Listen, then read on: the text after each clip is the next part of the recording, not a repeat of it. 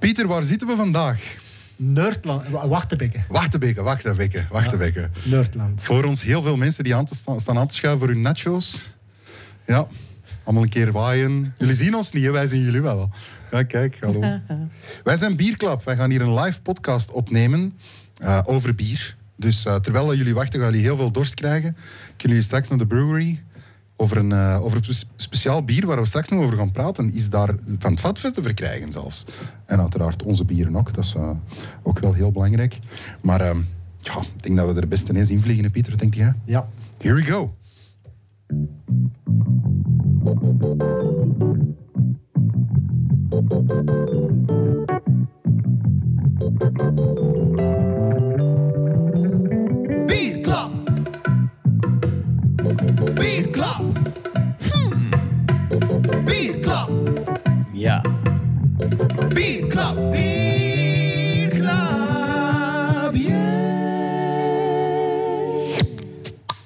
Voilà, de eerste uh, is al geopend.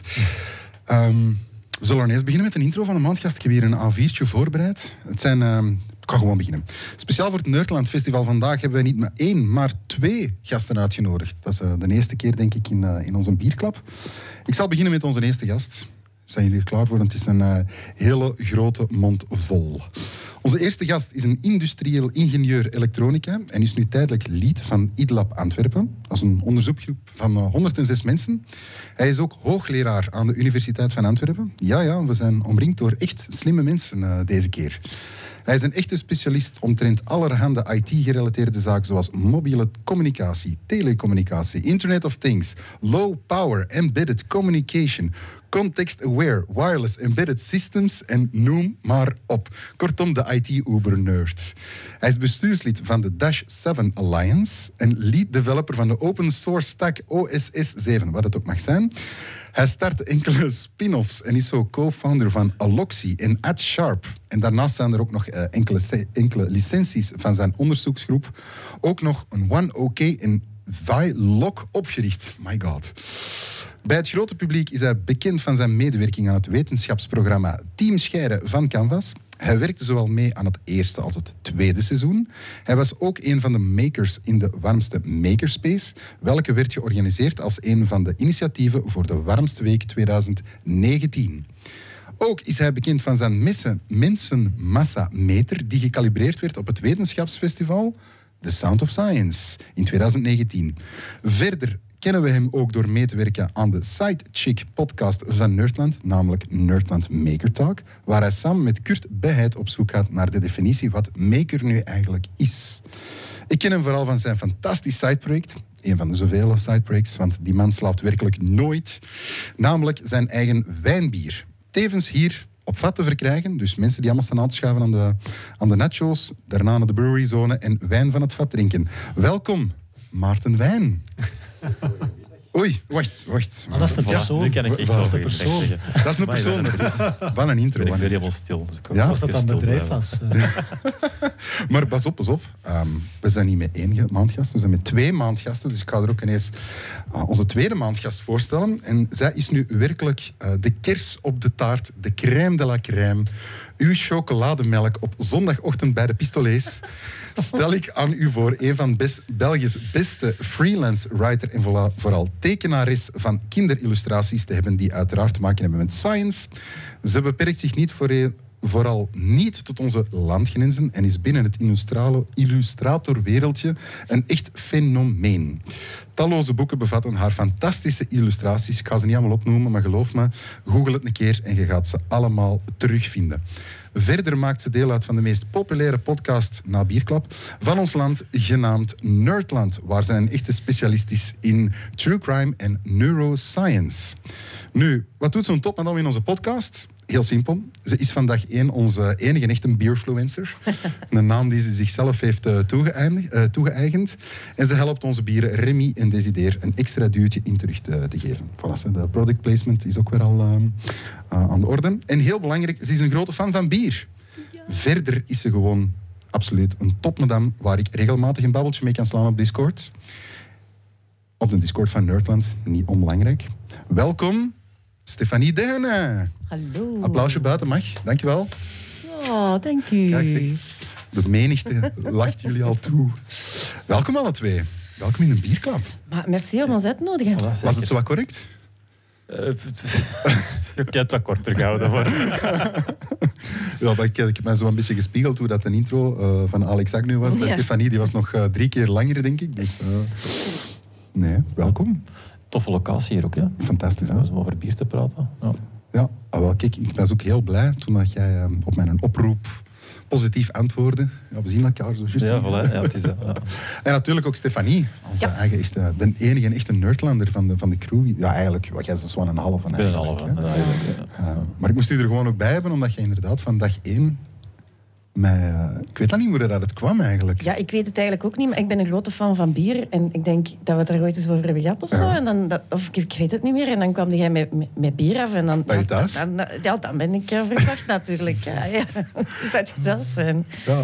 En een tweede keer, dan, was ik, dan deed je een oproep van ja, geef u, geef u bier een keer voor, eh, voor de Welcome to the EE. Juist, juist, juist. Het is een beetje de traditie dat mensen iets meenemen. Hè. Ehm, en ik dacht, ja, Remy, hè? Ja, maar ik was in Marokko. Dus jij daar heel... Ik vond dat echt fantastisch dat je dan nog naar de Pieter hebt gebeld zelfs. Ah ja, natuurlijk. Ik vond dat wel. Ik, vond dat, ja, ik had eigenlijk ook aan, aan Maarten gevraagd, maar, maar die heeft, maar ik- ik denk dat Pieter eerder is Sneller, ja. Ja, voilà, Dus kijk, dat is echt een beetje een geest. Nee, de mij waren nog niet geleverd toen. Ah ja, juist. Ja, ja, Die ja. waren, die waren, toen ont- ontgisten. Kijk, als een Alex ons uitnodigt, hè, dan, dan, dan gaan wij gewoon wijnbier meenemen. Dus Ja. Stefanie, misschien moeten we dat eens regelen. Dan, Ja, of zo. is goed. Belt hem eens een keer. Nee, goed, maandgast. Ehm, daar gaan we nu gewoon ineens naar over. hè. We hebben daar een hele schone jingle van. Goed, want we hebben onze intro gedaan en we gaan er direct op met het volgende. Want Maarten, jij bent onze wijn. Eh, wijn. Jij bent onze maandgast. Ja, ik heb al... Uw vriend Kopen heeft mij er juist al... Al een paar, eh, een al- paar wijntjes gedronken. Ja, voilà, kijk, voilà. Ja, Here we go. gebeuren. Oei, oei, oei. Ja, echt, echt te veel te veel wijntjes gedronken. Amateur eigenlijk. Hè? Opnieuw.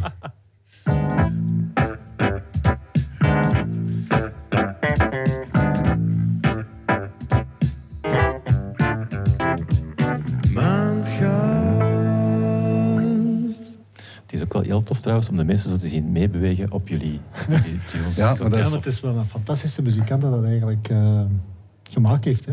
Ja, Sebastien Caron. zijn collega op de Ja. brouwerij. Ja. En die heeft nog meegedaan met The Ooit, eh, Voice. bij The Voice, bij de Nee. laatste vier of vijf Ja. geraakt toen. In het jaar dat Luca gewonnen heeft. Maar een fantastische crooner, dat ik dat wil zeggen. Ja. Nick Cave kan hij ongelooflijk. Dat is toevallig een van uw favoriete artiesten. Ja, Nick. Cave. Bon, we zijn hier niet voor om niet over Nick Cave te babbelen. Maar, eh, maar we hebben ons gespiegeld omdat Nerdland heeft ook al heel leuke jingletjes. Eh, en Johnny Trash was niet meer beschikbaar. Dus het is eh, Sebastian van uh, Brouwerij de Musketeers geworden.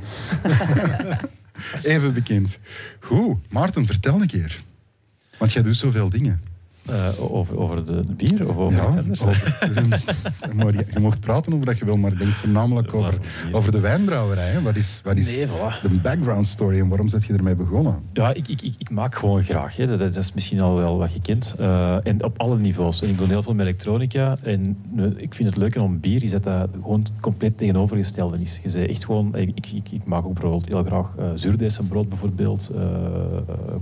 van dat soort dingen.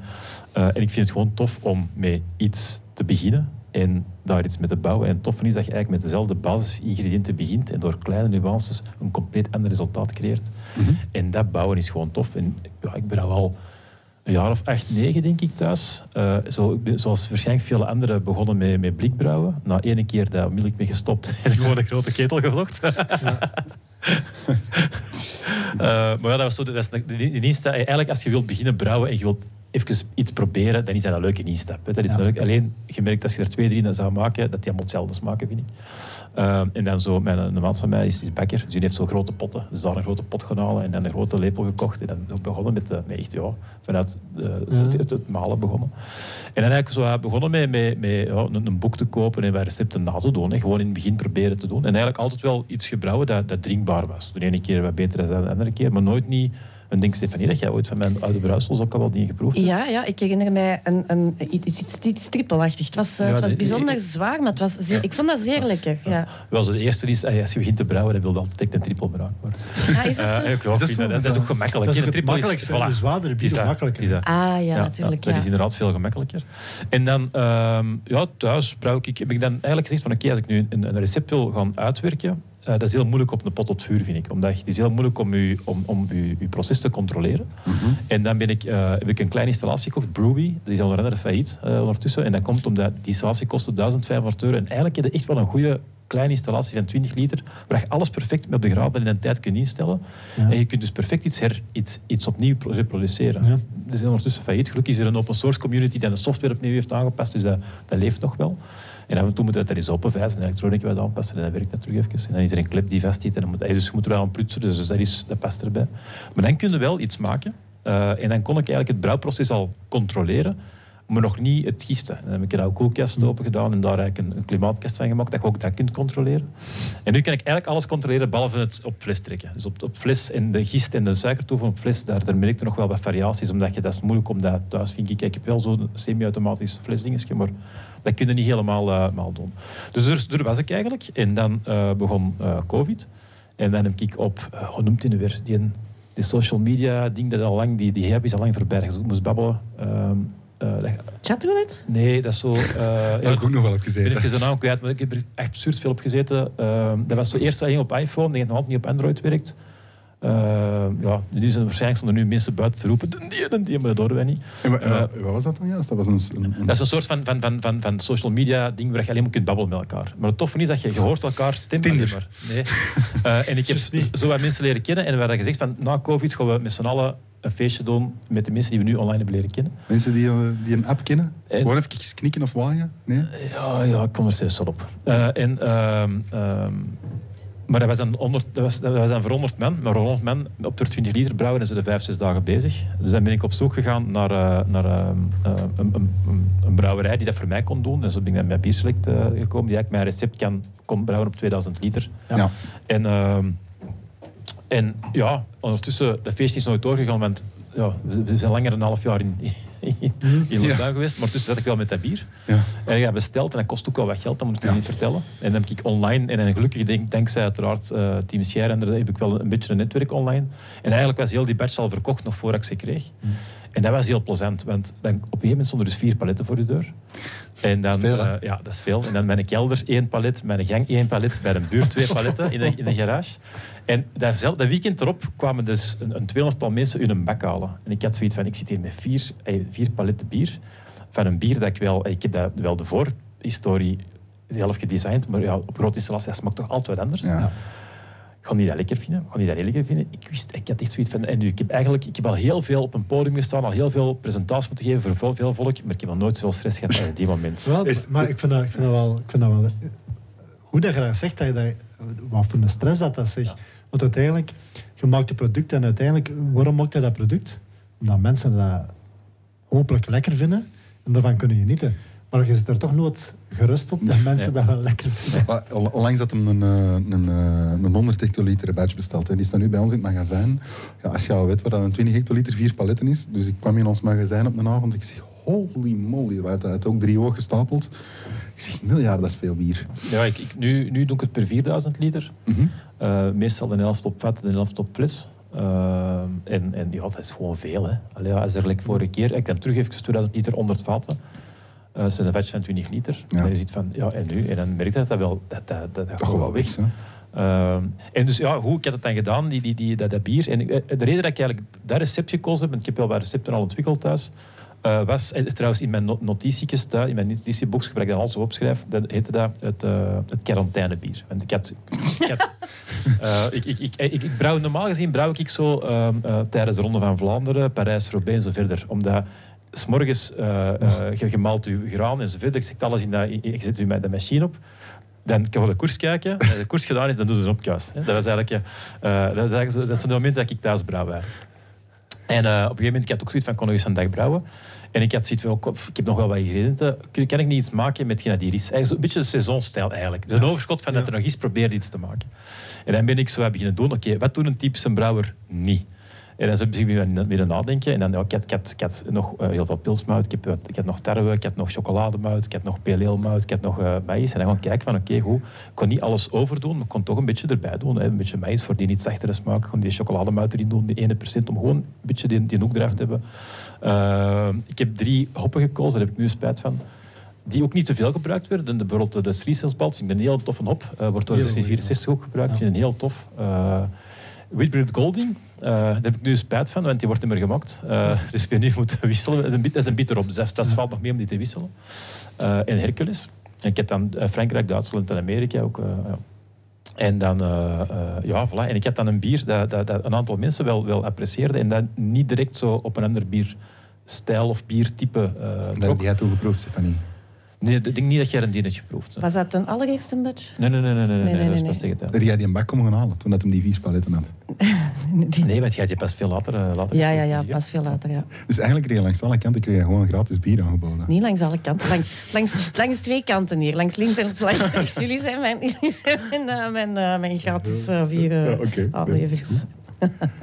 Nee, voilà. En dan eh, was dat palet op en dan had ik zoiets van, hmm, het gaat wel goed. Misschien toch nog maar eens een nieuw eh, batch van 4000 liter. Mhm. Maar ja, 4000 liter, dan moet je wel al dubbel voorschieten dan dat je voorschieten moet met toiletten. Dan, eh, dan van 2000, dat was dan, en dus nu zo al mijn spaargeld dat ik nog heb, steekt in dat bier. Wat? Dus Ja, dat is het nadeel als, Ja. je, als je groeit in volume. En, en dat is iets wat ik, dat ik ook niet wist toen ik begon met brouwen. Maar, maar dat kost dan ongelooflijk veel. En je moet heel veel voorschieten. Je moet je accijnzen, je moet je taxen en dergelijke betalen. Oh, oké, dat moet ook Allemaal op voor, uw glazen, ja, tuurlijk. Ja, ja, en je begint maar pas te, te verdienen van... Allee, verdienen. Je begint pas te verdienen vanaf dat de mensen je bier kopen, maar dan merk je van, oh, maar ik ben low on stock, dus je gaat eigenlijk een groter volume brouwen. Dus alles wat je verdient, zet je terug aan het investeren. En bijvoorbeeld, en dat is dan, ja, ik zit bij een contractbrouwerij, dus ik heb mijn recept zelf ontwikkeld en dan werk ik samen met Bierselect die eigenlijk mijn, eh, mijn, mijn bier brouwen. Maar ik moet ook, dat moet ook gepland worden. Dus ik, bijvoorbeeld, ik heb in maart dan moeten zeggen dat ik in april nog een batch wou. Eh, dat ik Ja. in mei een batch Ja, ik wou. wou het je zeggen, dat is heel omdat, rap. omdat in de zomer was alles al vol en er was nog een slot in mei. Dus ik heb eigenlijk nu een batch moeten maken die ik eigenlijk pas in september nodig heb. Maar ik moest die in april al wel met betalen. Dus je moet eigenlijk al ja, echt wel bij 1000 euro's voorschieten voor iets dat je eigenlijk pas gaat verkopen in september. En dat komt erbij. Plus, eh, ik heb heel veel bijgeleerd over die excise en over het legale stukje. Want ja, het moet, het moet ook, hey, je moet het ook legaal doen. Eh, over... Ondertussen weet ik dat de helft van de etiketten illegaal zijn. Ik bedoel, er is ook een regel dat je dat doet. Ik denk, ik denk dat niet met de rekening mee uit. Dus dat, dat wil ik ook wel wel perfect doen. Ik ook, hey, dat alles in Heb je de telefoon gekregen of zo met je Nee, nee, nee, etiket? nee, Nee, nee, maar nee, dat is, niet alleen een probleem van kleinbrouwers. hè. Op grote brouwers staan ook nog fouten op etiketten die, Ah, wel, en dat die wettelijk zijn. Nee, voilà. Dat vond ik wel heel tof van die mannen van Bierselect, dat die daar ook hebben begeleiden. Die hebben echt een heel dingen van, oké, wat moet allemaal legaal doen, wat moet allemaal doen, zo verder. wat flesjes, dus die begeleiden wel in heel dat proces. En dat, dat deed het wel, dat heeft wel serieus geholpen. Ja. Oké. En, en hoe zit het daar op langere tijd? Eh, je zit er nu eh, enkele jaren Eh, mee bezig. Zit Nee, er nee, dat die is nog verder een half jaar. Oké, maar hoe zit het dat verder? niet. Eh, Allee, Allee, dat was aan het einde van de podcast. Dankjewel iedereen. nee, nee eh, eh, ik, heb, ik heb vorige maand besloten om mezelf er wat te beschermen, omdat het, het was aan het groeien. En ik heb dan ook zo, ja, voor de fun, is eh de samples naar Lyon, naar de Ja. Concours de Mhm, Lyon doorgestuurd. Ik heb dan naar, naar, eh, naar de, eh, in Londen de European Beer Challenge gestuurd. In Lyon kreeg ik dan een zilvermedaille en in, in, in Londen een gouden medaille. Dus die apprecieerden dat bier ook wel. toch? Ja. Ja. Ik wil niet zeggen dat je eerste zei, hè, voor alle duidelijkheid. Ah, nee, nee, nee, nee, maar dat, dat wil zeggen dat, dat ze... Dat is op alle, dat is op alle eh, een aantal zaken je scoren en het dan eh, over globaal eh, goed- eh, door dus die jury die dat proeft, dat dat goed gekozen is. Pieter, wat zeg je altijd? Een bier, dat? Een prijs wint is een goed bier. Voilà. Niet meer, niet minder. Voilà, dankjewel. Ehm, dus ja, dan kreeg ik vragen. Ik wilde daar op die bier-event gaan staan, wilde daar gaan staan. Maar Ja. zoals dat je eruit Ja. hebt gelezen, ik heb eigenlijk nog twee, andere, eigenlijk twee echte jobs. Eh, dus wat ik nu voor mijn eigen gezegd heb, is van, ik heb een aantal cafés bij mij in de buurt. hè. Eh, eh, bijvoorbeeld een café Manger in Mortsel, waar hebben we de Kobe er juist De Kobe, ja. gezien. Toffe mens. Dan bij de Douar in Hoofd bijvoorbeeld, die hebben dat echt op vat. Mhm. of hij vat een fles wissel wat af, een wisseltap. Maar die- ik, ik hoop het daar gewoon lokaal te hebben. Ik heb een paar cafés in Antwerpen. Eh, onder andere de, de Narenberg bijvoorbeeld is, is, is maanbier ook heel tof. Oké. Want het is arbeidsintensief. Ja, wel, en ik wil het Dat eigenlijk is beperkt waar houden. mensen onderschatten, echt. En, en, en gewoon weet je, een lekker biertje, dat zo houden, lokaal op een aantal plekken te verkrijgen. Eh, ik heb nu ook zo'n wissel, eh, zo een, een, een, een mobiel tap, eh, toogstje Mm. met fout. Dus mensen kunnen ook komen halen met een toog en thuis bij een feestje. En, en zo dat soort Oh, dat is gezellig. Ja. Ja. Maar je bent intensief. hè. Je spreekt nog maar over één luik. Hè. Dus als, als je heel de productie er eh, nog zelf bij neemt... is- dat is gaat niet. Ja. Hey, maar, maar dat is... hey, een brouwerij, zou ik maar zeggen, van begin tot Ja. einde. Dat, dat, is, een- dat, is een, dat is een gigantisch bedrijf uiteindelijk. Hè. Ja. Eh, Hij is minstens tegen mij zeggen, hij is een brouwer. Zeg ik van nee, dat is niet waar. Ik ben, ben een hobbybrouwer, ik brouw Mm. thuis. En voor de rest ben ik een bierfirma, want ik kan dat er niet bij doen. En ik, kan, ook, en ik, ben, ik, vind me eigen geen brouwer, want ik doe niet heel dat groot proces en die Mm. dingen erbij. Dat gaat gewoon niet. Ja, tekenen is ook heel arbeidsintensief. Hè? Dus als jij morgen ineens vraagt voor een fulltime er nog bij te nemen, moet je ook zeggen... Nee, dat gaat niet. Maar ik, ik, ik, ik heb wel niet zoveel kosten als jullie. Ja. ja, dat is waar. Want allee, op zich, hè, nu, nu, je doet dan contract brewing, maar als je inderdaad zelf je eigen brouwerij hebt, dan komt daar enorm veel bij kijken. Hè. Ik heb ook gezien wat eh, de investeringen zijn die mannen van Bierslecht nu juist gedaan hebben voor hun, voor hun bottenlijn bijvoorbeeld. Oké, dat is een knappe lijn, maar dat kost gigantisch veel geld. Ja, absoluut. absoluut. Goed, wel dorstig. En Stefanie, jij zit er al te drinken eigenlijk heel de tijd. Ja, Jij ook, jij ook sorry. trouwens. Ja, ja. want ja, we moeten ons beperken tot een uur, helaas. Maar eh, geen probleem, want we hebben nog heel leuke dingen. En ehm, dan gaan wij gewoon ineens over naar, eh, naar het bier van de maand. Goh, ra, ra, ra, wat zou het zijn? Wat zou het zijn? Nee, nee, we zijn, ik ben verkeerd. We zijn, ik ben te snel. Ik ben te snel. We hebben een tussenrubriek. Ja. Correct me if I'm wrong. De tussenrubriek nu. Ja, nu is... Ik wil nog iets leren over bier. Voilà, kijk. Dus we gaan naar de Road to Beer. Ah, is dat nu al? Ja. I'm on the road.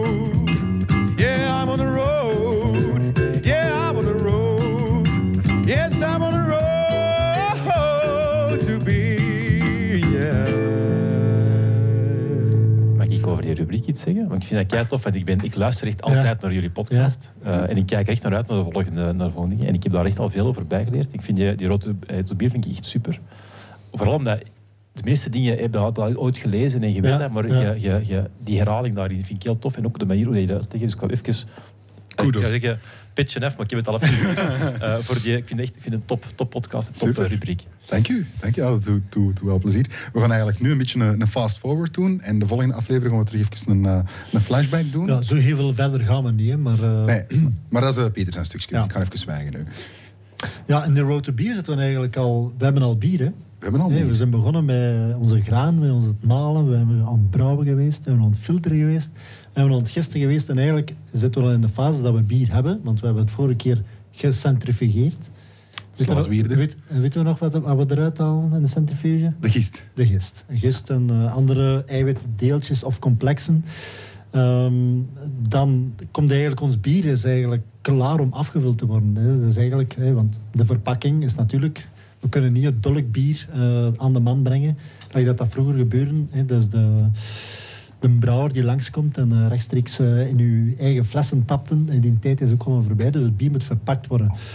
Maar in- vroeger was ook zo het bier, ehm, heel typisch. eh, en dan spreek ik eigenlijk, ja, voor de jaren 60 werd bier eigenlijk ehm, heel lokaal gebrouwen, maar ook heel lokaal geconsumeerd. Eh, voor de oorlog bijvoorbeeld, hoe werd er bier geconsumeerd? En de brouwer vulde het bier af in een houten ton. Niet om daar houtsmaak in te krijgen. We hebben dat maar gezien omdat bij de dat- Rijk, hè? omdat dat gewoon de verpakking was. Hè, en dan werd dat op een paard gelaaid en dan dat naar het café 200 meter verder gebracht en daar werd dat getapt. En dan moest eigenlijk zo snel mogelijk getapt worden. Want wat gebeurde er met dat bier als dat een paar dagen te lang op zat? Ja, dan werd dat zuur. Hè, dan kreeg je bij wijze van spreken een lambiek of, eh, of een geïnfecteerd bier. En, en, en dus dat is, dat is eigenlijk allemaal, allemaal heel recent. Uh, maar ons bier blijft niet meer rond de kerktoren. Hè. Ons bier, we hebben net uh, twee exporten. We hebben, we hebben een palet op weg naar China en we hebben een palet op weg naar Amerika. Maar dat impliceert wel wat, wat consequenties wat er met dat bier moet gebeuren. Dat dat op een goede manier kan verscheept worden naar 5, 6, 7000 kilometer verder. En dat gaat dan natuurlijk, dat bier moet stabiel blijven. Hey, stabiel in smaak, dat, dat, dat zal het niet zijn, maar vooral microbiologisch. Hè, dus dat mag niet zuur worden. Ik maak geen bier om dat te verschepen en dat dat daar zuur wordt. Hè. Dat, dat, dat willen we niet. En, en brouwers eh, zijn daar... eh, ja, hoe zou ik zeggen, de techniek die dan eigenlijk is gecreëerd geweest, eh, en die is eigenlijk in de 19e eeuw al gecreëerd geweest, dat was Louis Pasteur. We kennen, Ah. we kennen hem allemaal. Hè Van de pasteurisatie. Ja, van de pasteurisatie. Louis Pasteur heeft eigenlijk ontdekt, het is heel simplistisch, maar heeft ontdekt dus dat je bacteriën kunt vernietigen door kortstondig te verhitten. Nu vinden we het allemaal vanzelfsprekend hè, dat we voedingsmiddelen in de frigo en waar dan ook kunnen vinden die gepasteuriseerd of zelfs gesteriliseerd zijn. Uh, maar voor bier was dat wel heel belangrijk, want ineens kon bier veel langer bewaard worden en getransporteerd worden. En pasteurisatie, het is wa- wat we net zeiden, dat is een kortstondige verhitting van het bier, zodanig dat elke levende vorm van gist of eh, vreemde bacterie die het bier zou kunnen verzuren, eigenlijk wordt gedood. Heel simpel. En eh, we kunnen daar natuurlijk in eh, hoe hard gaan we gaan pasteuriseren, want het, het is wat we zeggen, we verhitten. We kunnen lang verhitten. En hoe langer dat we verhitten, hoe zekerder dat we zijn dat het er niets in blijft. Maar natuurlijk, het heeft een negatieve eh, effect op de smaak van een bier. Dat ging ik net vragen, ja. Ja. Want het is toch eigenlijk... ja, hoe, hoe, snel kan het, hoe snel moet het dan, moet het dan gaan? Wel, dat gaat hem over eh, een halve minuut. Dat is toch veel lang, vind ik. En tot... En, Ja, steriliseren of dergelijke, eh, het gebeurt nog bij redelijke temperaturen. Hè. Pasteurisatie gebeurt eigenlijk bij ongeveer 70, 75 graden. Ah ja, oké. ja. Het is niet dat we daar aan het koken zijn. hè. Dus bij steriliseren gebeurt bijvoorbeeld melk wordt gesteriliseerd bij 140 graden. ja. Eh, waardoor dat je in melk, als je ooit de kans krijgt, je hebt die kans misschien al gekregen, je melk drinkt rechtstreeks gemolken van de koe, of je drinkt UAT-melk, ultra high temperature, dat is eigenlijk gesteriliseerde melk. Wat voor smaakverschil dat er is, dat is immens. Hè, verse melk, dat, dat, dat, is, dat, is, dat is echt puur gewoon. hè. Waarom, waarom weet Pieter zoveel van melk? Omdat in de, in de opleiding, hè, bio-ingenieur, heb je op een gegeven moment een tweestrijd. Op een gegeven moment gaat het naar links. Hè, dan gaat het naar de melkindustrie. Of de, Ja, nee. En aan de rechterkant gaat het toch meer naar de brouwersvak. Allee, dat heb jij zo tegen mij gezegd. Hè? De meeste zitten eigenlijk, eh, van mijn collega's zitten eigenlijk in het vlees. In het vlees, oké. Ja. Right. Allee, dank. Letterlijk dan. Nee, maar ja, ik heb in Gent gestudeerd en je weet wie, de- wie studeert er in Gent, dat zijn West-Vlamingen. En West-Vlamingen, dat zijn, eh, er zitten heel wat vleesbedrijven in West-Vlaanderen. Dus Mensen ik heb heel veel buiten kijken collega's- nu. Hè, dus. Ik heb heel veel collega's die eigenlijk in de vleesindustrie zijn terechtgekomen, maar ook heel interessant. Maar waarom, waarom zeg ik eigenlijk een brouwer geworden? Omdat in het vak biochemie is zo complex en om dat te gaan onderwijzen, biochemie, er is één product, en dat is bier maken, dat eigenlijk alles omvat van alle processen die in de, in de voeding kunnen gebeuren. Dus als je alles begrijpt wat er in een brouwerij gebeurt, begrijpt alles wat er in de voeding gebeurt. Dus dat is eigenlijk de reden waarom dat brouwerij, het vak brouwerij wordt gegeven. Ik hoor een extra member van de Nerdland podcast binnenkort voor alle biochemie. Want dat heb je nog niet, denk ik. Hè? Ja. Ehm, niet, zo, niet zo specifiek... eh, nee, Je nee hebt de klopt. fysica heb je van met een baard, Ja, maar eh, ja. biochemie... ehm, Ja, heet Dat is die wat? bio- We waren over pasteuriseren bezig, Ja, Ja, pasteuriseer, sorry. Bij pasteuriseren, je, hebt- je hebt er toch twee systemen. Je hebt toch eigenlijk in, in lijnen dat er gepasteuriseerd wordt, of dat het flesje helemaal gepasteuriseerd wordt. Hè? Of? Ja, klopt. Eh goeie opmerking, inderdaad. Eh, het, het in lijn pasteuriseren noemen we eigenlijk flaspasteurisatie. Vandaar ook de, de, de, heel korst, de flash. eh, dus, het is heel kortstondig. Eh, we spreken we ongeveer aan een 30, 30 seconden. Tunnelpasteur is het andere. Is het dan dus dat, dat flesje gaat op de band mee en gaat heel even snel... Nee, nee, of is dat is ervoor tun- Dat nog? is tunnelpasteur. Flash is echt in lijn. In Dus lijn. Maar ligt gewoon dat- het bier, dat bier op zich, hè? zonder, bier op zonder zich, rietflesje. hè? zonder, voor de Dus nog verpakking. in de tank dan eigenlijk? voor de verpakking. In, in een lijn. In Ja. een, in een, het, In de, Dat gaat door een, een buis, zal ik maar zeggen. Ja. En die buis is Ja. verhit en dan daarna komt dat in het flesje. Ik maar dat, wordt, dat wordt verhit en dat wordt heel direct gekoeld, want dat mag maar een halve minuut echt warm zijn. Dan die halve minuut, dat gaat erin naar 0 graden. Een halve minuut heeft dat 70 graden en dan een halve minuut is dat terug 0 graden. Dat is Maar- flashpasteurisatie. Tunnelpasteurisatie is eigenlijk als het bier al in de verpakking zit. En dan gaan we dat eigenlijk door een tunnel sturen. En dat is eigenlijk een oven, waar dat heet water wordt gesproeid over de verpakking. Zodanig dat we eigenlijk zoeken naar een kerntemperatuur in die verpakking van ongeveer een 60, 70 graden. En doe je dat ook op blik dan? Ja. Dat wordt voornamelijk op blik gedaan. Ah, oké. Ja, eh, op fles wordt dat eigenlijk niet zo heel veel gemaakt. Het is vooral op blik eigenlijk dat dat wordt gedaan. Ehm, dan is het tunnelpasteurisatie. Dus de grote brouwers, à la Alken Maas, InBev, die uh, al hun bier wordt veelal door tunnelpasteurisatie. Gewoon mee op de, allee, het voorlaatste van een band, vooraleer dat etiketten en een dop en alles. Vraag me niet wat dat het beste is, maar Doe me, ik ging dat juist vragen. Nee, maar serieus. Ik heb, ik heb mij laten, eh, eh, de reden dat ik er iets van weet van het pasteuriseren is, ik ben, ben thuis met een nieuw eh, bier van 2% bezig. En eh dan hebben we zodanig laag alcoholpercentage dat Ja. je eigenlijk moet gaan pasteuriseren om te zorgen dat je bier kunt bewaren. En daar is mij verteld dat omdat het zo laag is dat je best naar tunnelpasteurisatie gaat in plaats van flash, omdat je echt wel alles wilt doden van potentiële eh, dingen. het, het, het grote voordeel van tunnelpasteurisatie is, je bier is verpakt. Dus er gaat niks meer mee gebeuren. Als je flash pasteuriseert, dan heb je nog je vulling. En die vulling, ja, dat, ge- dat gebeuren. gebeurt ook Ja. dat kan nog altijd misgaan bij je vulling. Er kan altijd nog een infectie optreden. En, en dat, is, dat is nog een kleine onzekerheid die je hebt. Uh, bij pasteurisatie heb je die helemaal niet, want het zit al in je verpakking en het is gesloten. Dus iets dat gesloten is, kan ook niet meer maar zijn er eigenlijk geen drie redenen waarom dat ze pasteuriseren? Eén is ehm, ja, zorgen dat je, eigenlijk, dat je product niet slecht kan worden omdat je eigenlijk alles doodt. Mm. De tweede reden is om eigenlijk uh, kwaliteitscontrole, dat je perfect weet wat er in een flesje binnen twee maanden zit, hetzelfde is als wat je op die moment hebt. En het derde stuk is trade secret, omdat je gisten wilt uh, doden, dat die niet meer kunnen eruit gehaald worden. Of is dat niet waar? Nee. De laatste denk ik niet. Ja, nee, de laatste, maar dat is ook weer, uh, we hebben er wel eens heel kort over bezig geweest, maar, maar dat, is, dat is ook weer... vroeger we spreken over hergisting op de, op de fles. Hè. Dus hergisting op de fles, dan gaat eigenlijk gist en suiker toevoegen na de pasteurisatie. Uh, en vroeger deed men het eigenlijk met dezelfde gist, waar men eigenlijk een hoofdgisting ja. deden. Maar we hadden er eigenlijk niet bij stilgestaan, maar door de revival van craft brewing waren er heel veel slimme craftbrewers of hobbybrouwers die zeiden, ah ja, maar die gist van die brouwerij, dat zit in een flesje. Ja. En dan zijn de brouwers van, oh, oh, we zijn hier onze...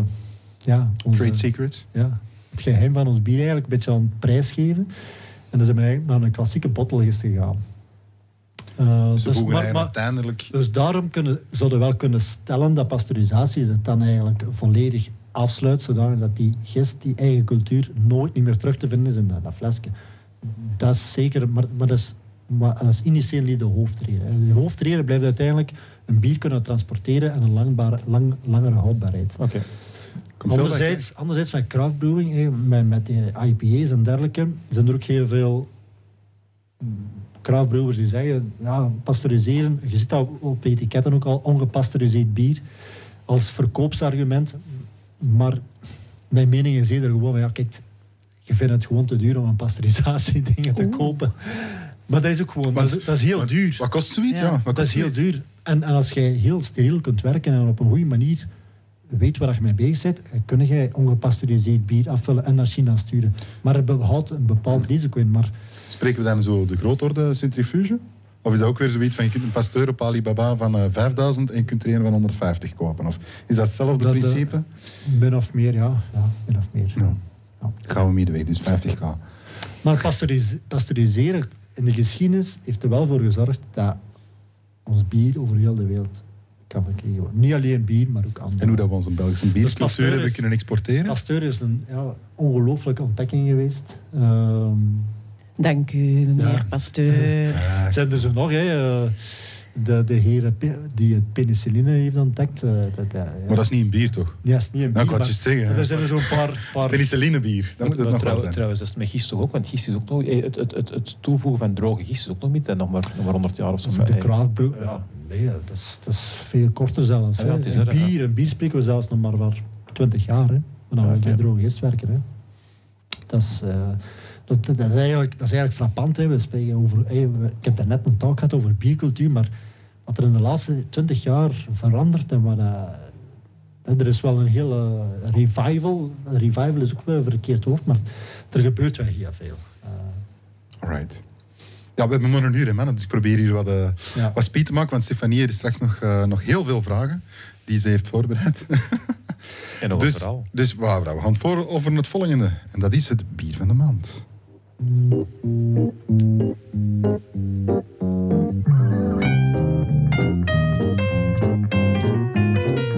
Bier van de maand. Tof, hè? Ja. Ik, zie, ik zie Stefanie hier wel meedansen. Zo, dus. Bier van de maand, Maarten, vertel. Je hebt er juist al een uh, kort uh, tipje van de sluier gelicht, maar ja, wat drinken we hier? Van het vat, trouwens. Van het vat. Of Noordland? De wijn. De wijn. Geen witte, geen rode, maar gewoon de wijn. Ik vond, ik vond het wel raar van, dus want we zaten op dat terrasje en jij vroeg... Maar die wijntje Moet jij wijntje hebben? Ik zei, nee, bier, ja. ja, maar dat, ja dat, dat, dat, past een beetje bij de gimmick. Hè. Eh, mijn naam is, achternaam is Wijn. Uh, voor, voor het helemaal grappig te maken, moet je eens één keer raden wat de achternaam van mijn moeder is. Pier. Maas. en de grootmoeder van mijn vader heet Lamoot meer een achternaam. Maar dat niet. Ja. Uh, die heeft niks met Stond in de sterren geschreven. Ja, dus, dus moest iets met alcohol doen. Ja. Uh, en ja, als je moet kiezen tussen wijn of bier in, in België, dan... Ja, en uw klein noemt William? Eh, nee. Dat nog ook goed was. Willem Laassen of zo. Ja. Dat die helemaal... Eh, nee, voilà. Dus, dus vandaar de wijn. Ik zeg ook altijd als ik bier bij een café lever van eh, ik ben niet verantwoordelijk voor de discussies om een toog. En het heel grappige was, toen ik het bier juist had, was er een vriendin van mij die trouwde en ik had een bak bier meegepakt voor het feestje. Mhm. En het was al wel later op de avond. En er was een, een, een, een dame die nogal fan was van het bier op die avond geworden. En die was ja, haar de tweede of derde, vierde bezig. En die zei tegen haar vriend, voor mij nog een wijn. En die komt heel flink, heel fier, glas. met een glas witte wijn. Die is zot, niet die wijn, die wijn. ik zeg, alright, eh, het werkt. Nee, voilà, ik heb er juist al gezegd wa- waarom dit bier en waarom eh, dit, eh, dit recept. Eh, en ik, ik heb ook, ik heb ook de, er een glas bij gekozen. En dat glas is eigenlijk eh, een wijnglas met een hoek af. Dat is een beetje de reden eigenlijk. hè, dat zo, eh. dus eh, ja, voilà.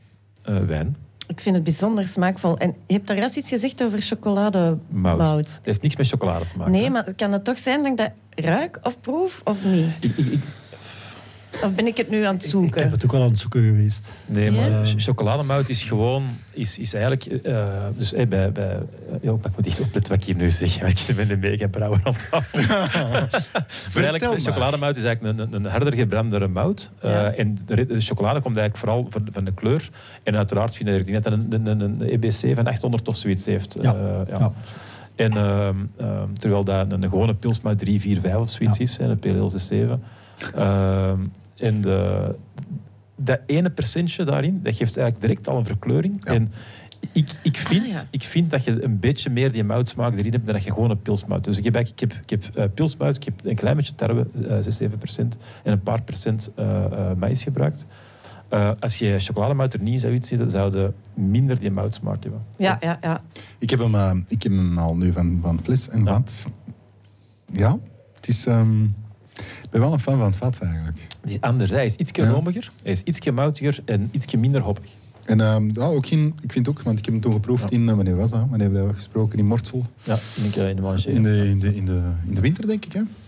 Ja, nee, het voorjaar ergens denk ik. Maar deze Ja. nieuwe vaten? Ja, hè? Deze is, eh, dat is een nieuwe, ja. Maar ik vind op zich ehm, hetzelfde.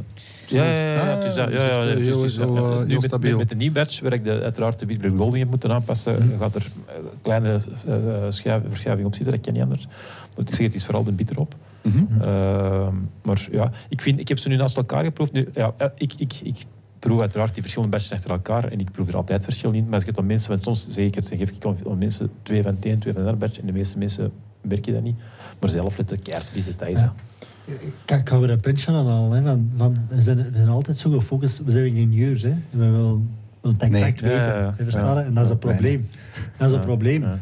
Ehm, maar ik probeer dat ook altijd uit te leggen. En eh, dat is ook weer... Dat is niet om, om denigrerend te doen over het maken van wijn, want dat is iets heel complex.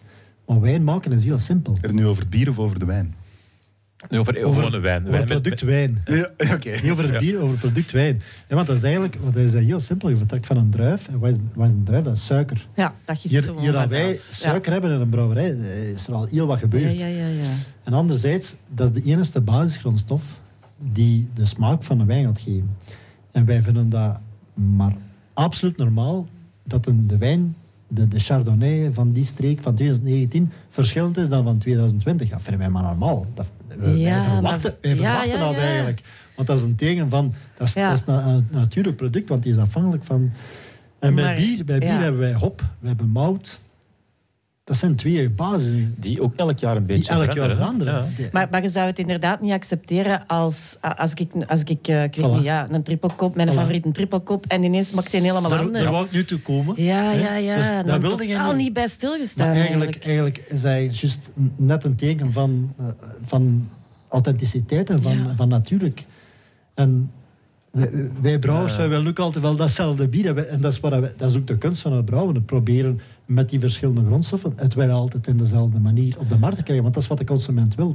Maar eigenlijk zetten we ons maar aan te passen aan die consument. Ja, dat en we- misschien moeten wij eens de, de dingen omdraaien. Ja, kijk, ja, dit jaar was een slecht jaar. En kijk, de smaak van het bier is slecht geëvolueerd. Is dat goed of is dat niet goed? En dan noemde dat een Dat cuvée. is discussie. Die geven er een andere naam aan. Ja, het, is, het is, ja.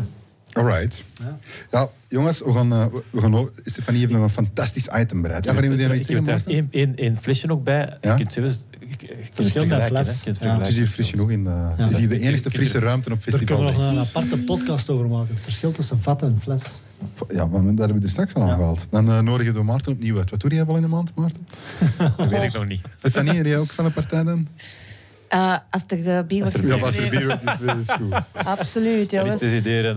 eh, Ja, oké, goed. Alright, dan gaan we naar de Wist je datjes. En eh, een item deze keer van Stefanie. dat er, wist jij dat er, wist jij dat er, wist je dat je zijn over bier. Wisten jullie dat er ooit een groot drama heeft ontrokken in eh, de Londense straten? Op 17 oktober 1814 was er een heuse biertsunami. En dat klinkt veel leuker dan het is, want daar zijn maar liefst acht doden gevallen. Wat was daar gebeurd? Ehm, daar was een ijzeren hoepel, een van 22 ijzeren hoepels dat een vat boven, dat een vat vasthield. Ehm, nu moet je mij wel even helpen, want daar Ja. staat Entire Porter of zoiets. Een porter is een bierstijl. Ah ja, oké. Dus eh, er was een vat van 7 meter, daar zat 13.500 liter in. Ehm, dus er was één van die hoepeltjes was gebroken. En wat zeiden ze in de brouwerij? Goh, dat is niet erg, dat gebeurde hier nogal wel eens. Famous last words. Want een uur later is dat vat gescheurd. Is al dat bier los door de muur ehm, ge- gebonst. Dat heeft een kettingreactie veroorzaakt, want er zijn er nog vaten gescheurd. Eh, allee, de- het debris in het, in, in het rond. De mensen in de brouwerij stonden tot aan hun middel in het bier. Ze hebben dat niet kunnen tegenhouden. Dat is uiteindelijk op straat eh, terechtgekomen. En dat was een, eh, ja, echt een soort golf van eh maar liefst 4,5 meter hoog. En daar zijn eh, effectief acht mensen overleden. Ja, en zelfs... hè, 1814. Ja. Ja. 18, ja, de- de reden waarom dat ik Stefanie dat liet doen, is ik Ja. zeg, ja, zij is onze true crime specialist. We zaten op Discord te praten. Zeg, Stefanie, zoek, zoek een keer een moord op met bier. Ja. En, Maar dat is eh, geen moord, hè? ja, het is geen moord. Pas op, er is wel, er is wel een proces. wel, ja, het, er is een proces, ehm, er is een proces op gevolgd.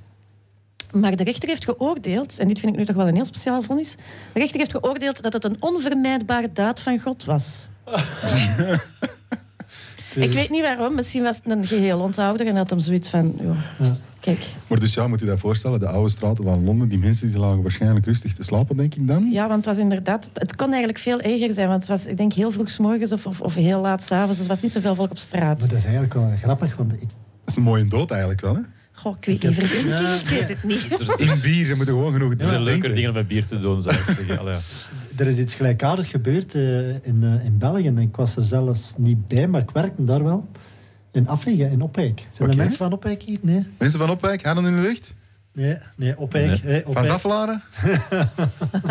nee, ook niet. Niemand durft niks. Dus Opwijk, hè, dat is eh, waar dat de brouwerij van gelegen. Ja. Ik werkte daar van 2008 tot 2014. En in 2012 is daar een tank ontploft geweest. Die, van die midden- buitentanks? Midden in de nacht. Als dat overdag was gebeurd, waren er gegarandeerd ook doden geweest. En hoe is die tank gewoon ontploft? Ja, Gisting? Dat is een lang verhaal.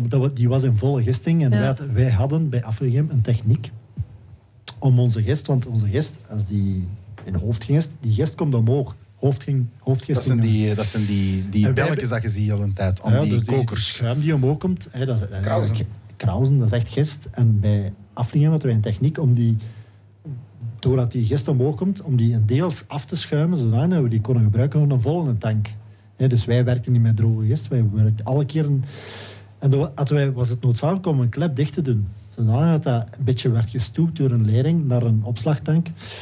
Maar die klep was dus Oh, nee. gesloten gebleven, dus die druk bouwde op in die tank. En die tank die is eh, ja, ontploft. En er zijn discussies over wat een druk moet geweest zijn op die tank. Maar er zijn mensen die zeggen dat er moet 200 bar opgezeten op die Oh. tank.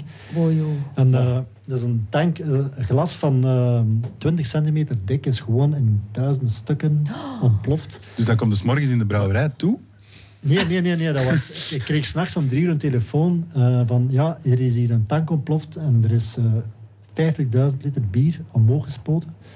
Oh. En je moet weten, de Oh brouwerij van Afligem ligt in Opwijk, dat is dus midden van het centrum. En Oeh, heel dat- het centrum was wakker om drie uur s'nachts. dus dat was, dat was ongelooflijk. eh, Dat had ik nog wel een, stel dat het overdag had geweest, dan hadden we hier waarschijnlijk geen bierklap gedaan, Pieter, want dan was stond jij daar te brouwen. Ja, en dan, eh, Dan had jij wel een hele mooie item gehad. dan hebben we het mogen, dan hebben we het mogen uitleggen samen met mijn bazin in Amsterdam. Want wij waren Heineken. En dat was een groot drama over heel de wereld, alle Heinekenfabrieken. Werd er ineens een opleiding gegeven van hoe omgaan met Hoe dat je een vat, hoe dat je een vat moet... eh, Dus zo- zo gaat het in zo'n fabriek. Hè. En dat ja, was- ja, ja. Maar, maar dat, dat, is, dat is vergelijkbaar met het verhaal van Drie Fonteinen, waar ook een thermostaat kapot was, waar, waar Ja. 50.000 liter bier eh, Maar kapot voor Aflingen was dat peanuts, die hoeveelheid bier. Het was enkel gewoon... Maar inderdaad, Maar Drie Fonteinen is, is was gegaan daardoor. Die zijn gelukkig door hun collega's geholpen Ja. om nog te overleven, maar anders was dat ook gedaan geweest. Dus daar ook een thermostaat die kapot was. Ik denk 50.000 liter bier kapot, omdat die gewoon, ja, die, die, die was te het warm geworden, die zijn ontploft. Maar tijdens het koken dan, nee. Nee, Nee, nee, nee, tijdens het hergisten, hè. dus eh, op fles. Fles geslagen. Dat is echt, Stefanie is daar eigenlijk eens een keer moeten zien. Dat is een, dat is een waanzinnig ehm, eh, oh, agressief proces. Oh, Als je dat bezig ziet.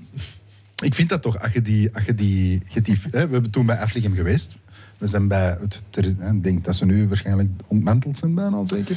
Nee, nee, ze brouwen nog tot na de zomer. Ja, dus, maar wij zijn er dus nog geweest en er zien inderdaad die hele grote gistingstanks.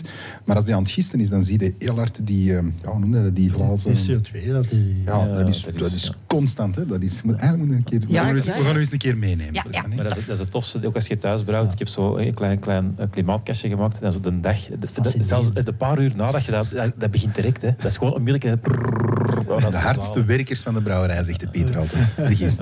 Maar trouwens, dat van Drie Fonteinen dat vind ik wel knap in hoe dat die een biercultuur, waar je het er juist ook over hoe dat die collega's elkaar helpen. ja, want Ja. daar ging ik op terugkomen. Dus er zijn andere brouwerijen die, dan hebben gezegd van... Ja, dus je hebt, je hebt een geuze, is, is een combinatie van verschillende lambieken. En eigenlijk hebben die een geuze kunnen maken dan met lambiek van de, van de collega's om terug Oh. opnieuw te gaan starten. Ja, maar dat, schoon. maar dat is wel. Dat is wel. Maar die heb hebben wel een brouwerij moeten verkopen ook. Hè. Die hebben een brouwerij moeten verkopen om, denk ik, als ik het juist heb, om, om, om, om te overleven. Dus al hun Dat weet ik niet 100%. En dan hebben ze later eigenlijk terug kunnen aankopen. Ah ja. Want dat is, allez, ik heb dat een aantal podcasts geleden al aangehaald. Dat, dat is één grote familie. Ja, Vind ik. En, en, dat verandert nu wel. We hebben ook Ja, weer dat verhaal met- dat ik daarnet met- vertelde, met heel veel nieuwe spelers en dergelijke komen.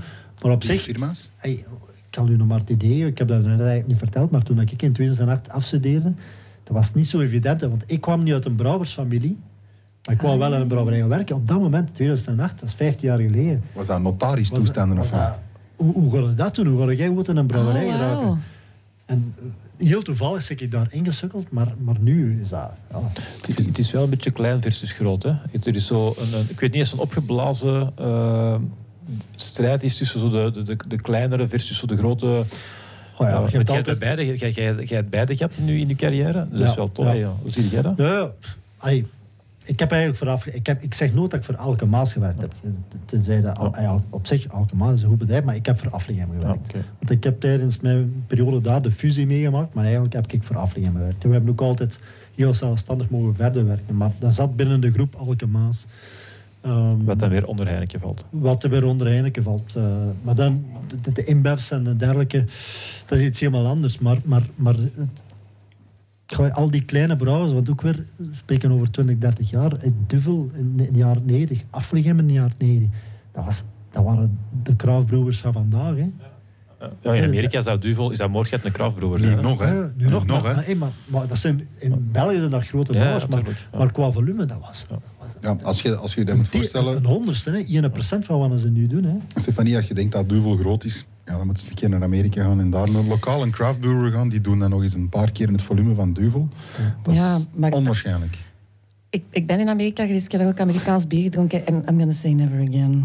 Ja, pas op, er zijn hier wel Ja, leuke ze, dingen. ja, ze zijn aan het verbeteren. Ehm, absoluut. Dus, het is trouwens heel moeilijk, vind ik persoonlijk, om, om zelfs tegenwoordig Belgische bier naar Amerika te Ja, krijgen. dat is heel veel aanbod. Oh. Ja, Oké, het was misschien al lang geleden. Ja. Hoe lang is het geleden dat je er geweest bent? Ja dat is toch eh, tien jaar of zo. Ja, dat is Dat veel. is veel veranderd op tien Ja. jaar. En trouwens, in Nederland, hebben we het er juist begint een beetje over Nederland, denk ik altijd aan Heineken, maar er zijn in Nederland ook veel welke kleine brouwerijen. IPA's wel. Ja, bieren. Hè. Ja, maar om maar in Nederland een idee te geven, 30 jaar geleden waren er 16 brouwerijen in Nederland. Nu zijn er 600 en zoveel. Wow. Dus ja, Nou. Kijk, we hebben eh, geen bier actua. Maar ik kan toch een jingle spelen. Ik heb die nu, dan kunnen die ook eens horen. Ja. Want jij Kunnen luistert mensen nog naar- eens dansen buiten? Ja, Ja. mensen nog eens kijken of de mensen aan het dansen Ons zijn. Ja. laatste item, hallo. Ons laatste item is eh, de bieractua, maar dat gaan gewoon allemaal vragen zijn van Stefanie die zij had. Goed, hè? dan kan zowel de Maarten als Pieter op antwoorden. Here we go.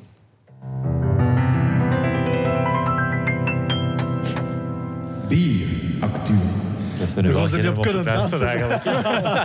Misschien moeten Steus nog eens de, begin Ja, maar op het einde doen we nog eens Ah, een biertapje. Dus, eh, Stefanie, jij hebt een aantal eh, vragen Ja, voorbereid want- voor Pieter en Maarten. Ja, want ik drink natuurlijk wel graag bier, maar ik, eh, ik ken er eigenlijk niks van. Ik heb hier al heel veel bijgeleerd en we hebben het er juist al even over gehad. Dat is misschien ook al partieel beantwoord. Maar waarom is Belgisch bier nu zoveel beter?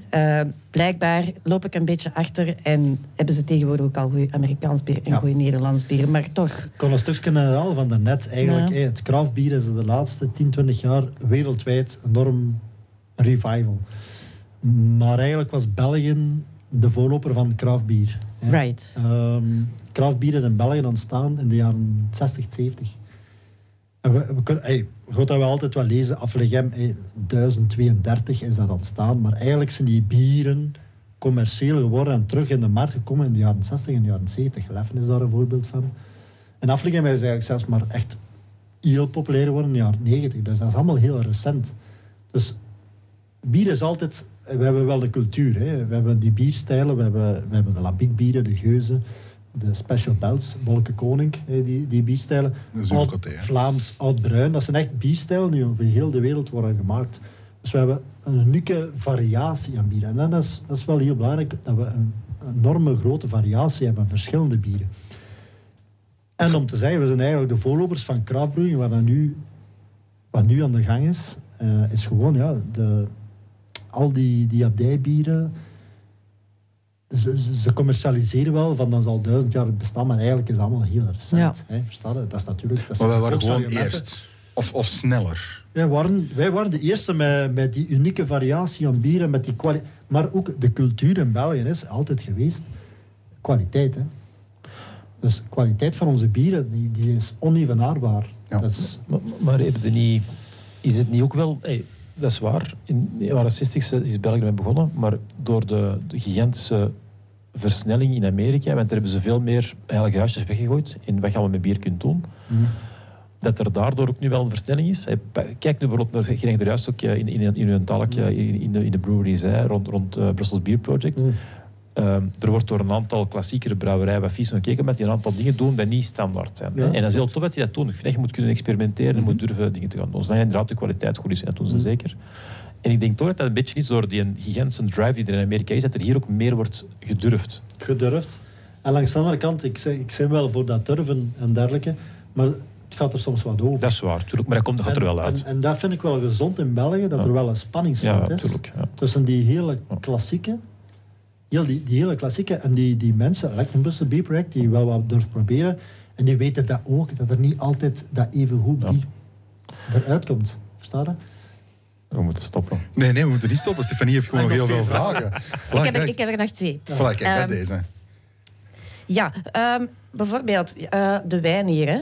Eh, hoeveel procent is in deze? 6,8. 6,8. Ik vind het heel veel smaak voor 6,8. Ik ben een hele grote eh, liefhebber van de zwaardere bieren, maar dat is natuurlijk niet zo gezond. Remy dus ik, ook, hè? ik ben altijd... Ja, voilà. Remy is ook een heel goed voorbeeld. Ik vind dat dat verrassend veel smaak heeft voor een bier van... Hoeveel procent? Zeven. Zeven, voilà. Dus ehm, hoe komt dat en waarom is het zo moeilijk om een, een, een beertje te maken met allez, 4% pakt Ja. dat toch echt Alcohol lekker is is? de, is de smaakgever van het bier. Ja. Ik, ik, voordat hij de rechten uitleg gaat geven, als Ja. jij een, een cake maakt Mhm. en je pakt twee ingrediënten of je pakt er zeven, in welke cake ga je het meeste smaak kunnen steken? ja, die van zeven. En typisch Denk bij een bier dat met meer alcohol gaat ook meer graan, meer eh, suikers, meer Suiker, dingen gaan toevoegen. Dus Aha. naast dat je de alcohol hebt, heb je ook nog eens meer materiaal om iets mee te doen. Right. Ik vergelijk het een beetje met, bij, bij een bakker. Een, een croissant.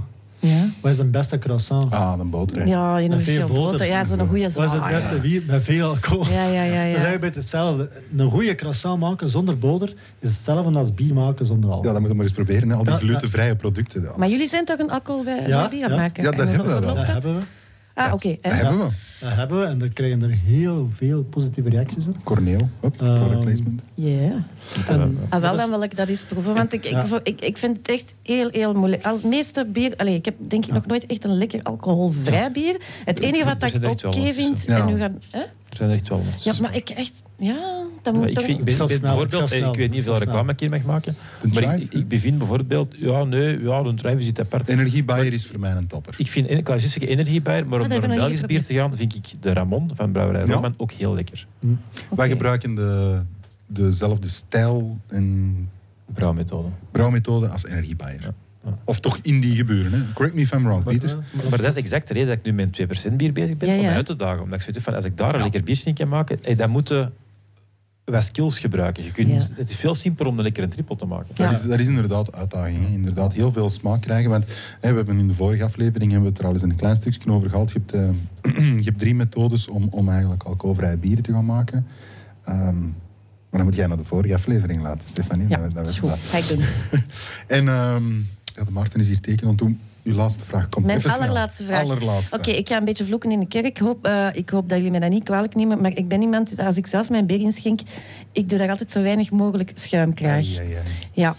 Is dat erg? En ten tweede, eh, wat ik bijvoorbeeld nooit heb begrepen, als je een duvel, ik weet dat je een duvel moet inschenken, maar fuck, dat is de helft schuim en de helft bier. Waarom? Waarom in godsnaam? Pieter is een schuimman, hè? Dus. Zit jij een schuimman? Oké, leg mij snel uit wat het nut is van schuim en... en Ik Ja. weet dat niet. Ik weet dat niet. ah, oké. Hij heeft eigenlijk beantwoord in zijn talk die juist gegeven voor biercultuur. dat is eigenlijk cultuur. Het is gewoon cultuur. Het is gewoon Dat cultuur. heeft niks te maken met het feit Dat is van hoe meer schuim, hoe dat is- minder oprispingen dat je hebt. En dat de Nee, dat is CO2 er gewoon wat meer uit Dat is is. gewoon wat, wij- wat er bij ons ingedramd is, van kleins af, als, als Belg zijnde. Aha. Maar, maar dat is, ey, ik, woon in Beveren, we zitten ook vlak aan de grens. Hè.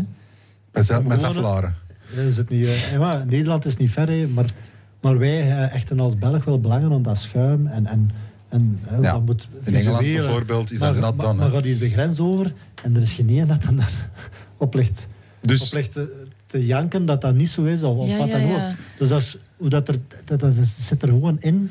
Ja. dat is onze Ik- bij, biercultuur. bij mij zit dat in mijn hoofd van als ik niet te veel schuim, ehm, als ik niet te veel schuim la- laag eh, inschenk, dan is er meer bruis in mijn bier. Maar dat klopt ook niet waarschijnlijk. Of wel? Toch een Als je beetje, dat hè? jawel, als ik dat heel jawel, traag dat klopt, wel, hè? Dat klopt, dat klopt. Want Zie uiteindelijk, uiteindelijk hey, is- waarom krijg je CO2? Omdat dat, dat is, eh, waarom krijg je schuim? Omdat CO2 eruit, eruit gaat Ja. en die duwt eigenlijk. Voilà. En ik wil de schuim CO2 in mijn bier. Dan moet je En dat heel, gaan we gaan we dat niet meer boeren? Ah ja, dat is waar. Maar dat, ja, dat vind ik dan... Is dat niet een eh, logisch gevolg dan? Denk Ja, dat zal wel, maar ja, dat is voor mij niet zo lastig. Volgende Als keer- Er is er zelf geen last van. Voilà. Volgende keer, Stefanie, als je een bier inschenkt zonder schuim en iemand heel scheef, dan zeg je, ja, ik ga gewoon in tegen de Belgische biercultuur. Voilà. Maar Goed, er is niks mis mee. Ja. Nee, ik wil meer CO2 in mijn. Ja, Voilà, voilà, kijk, voilà. Ik wil meer wil CO2 in mijn. Voilà. Oké. Het was een korte bierklap, Je maar... kunt door de sodastreams tegen. Eh, Ik heb dat eens, gepro- ik heb dat eens geprobeerd. Ik heb, ik heb, ik mijn bier eens geprobeerd om, om, dat, allee, om op een 80 Ja. graden te verwarmen, om de alcohol... Maar ik wou weten, wat is dat nu ik op die manier... Dat is ook een manier om dat te doen.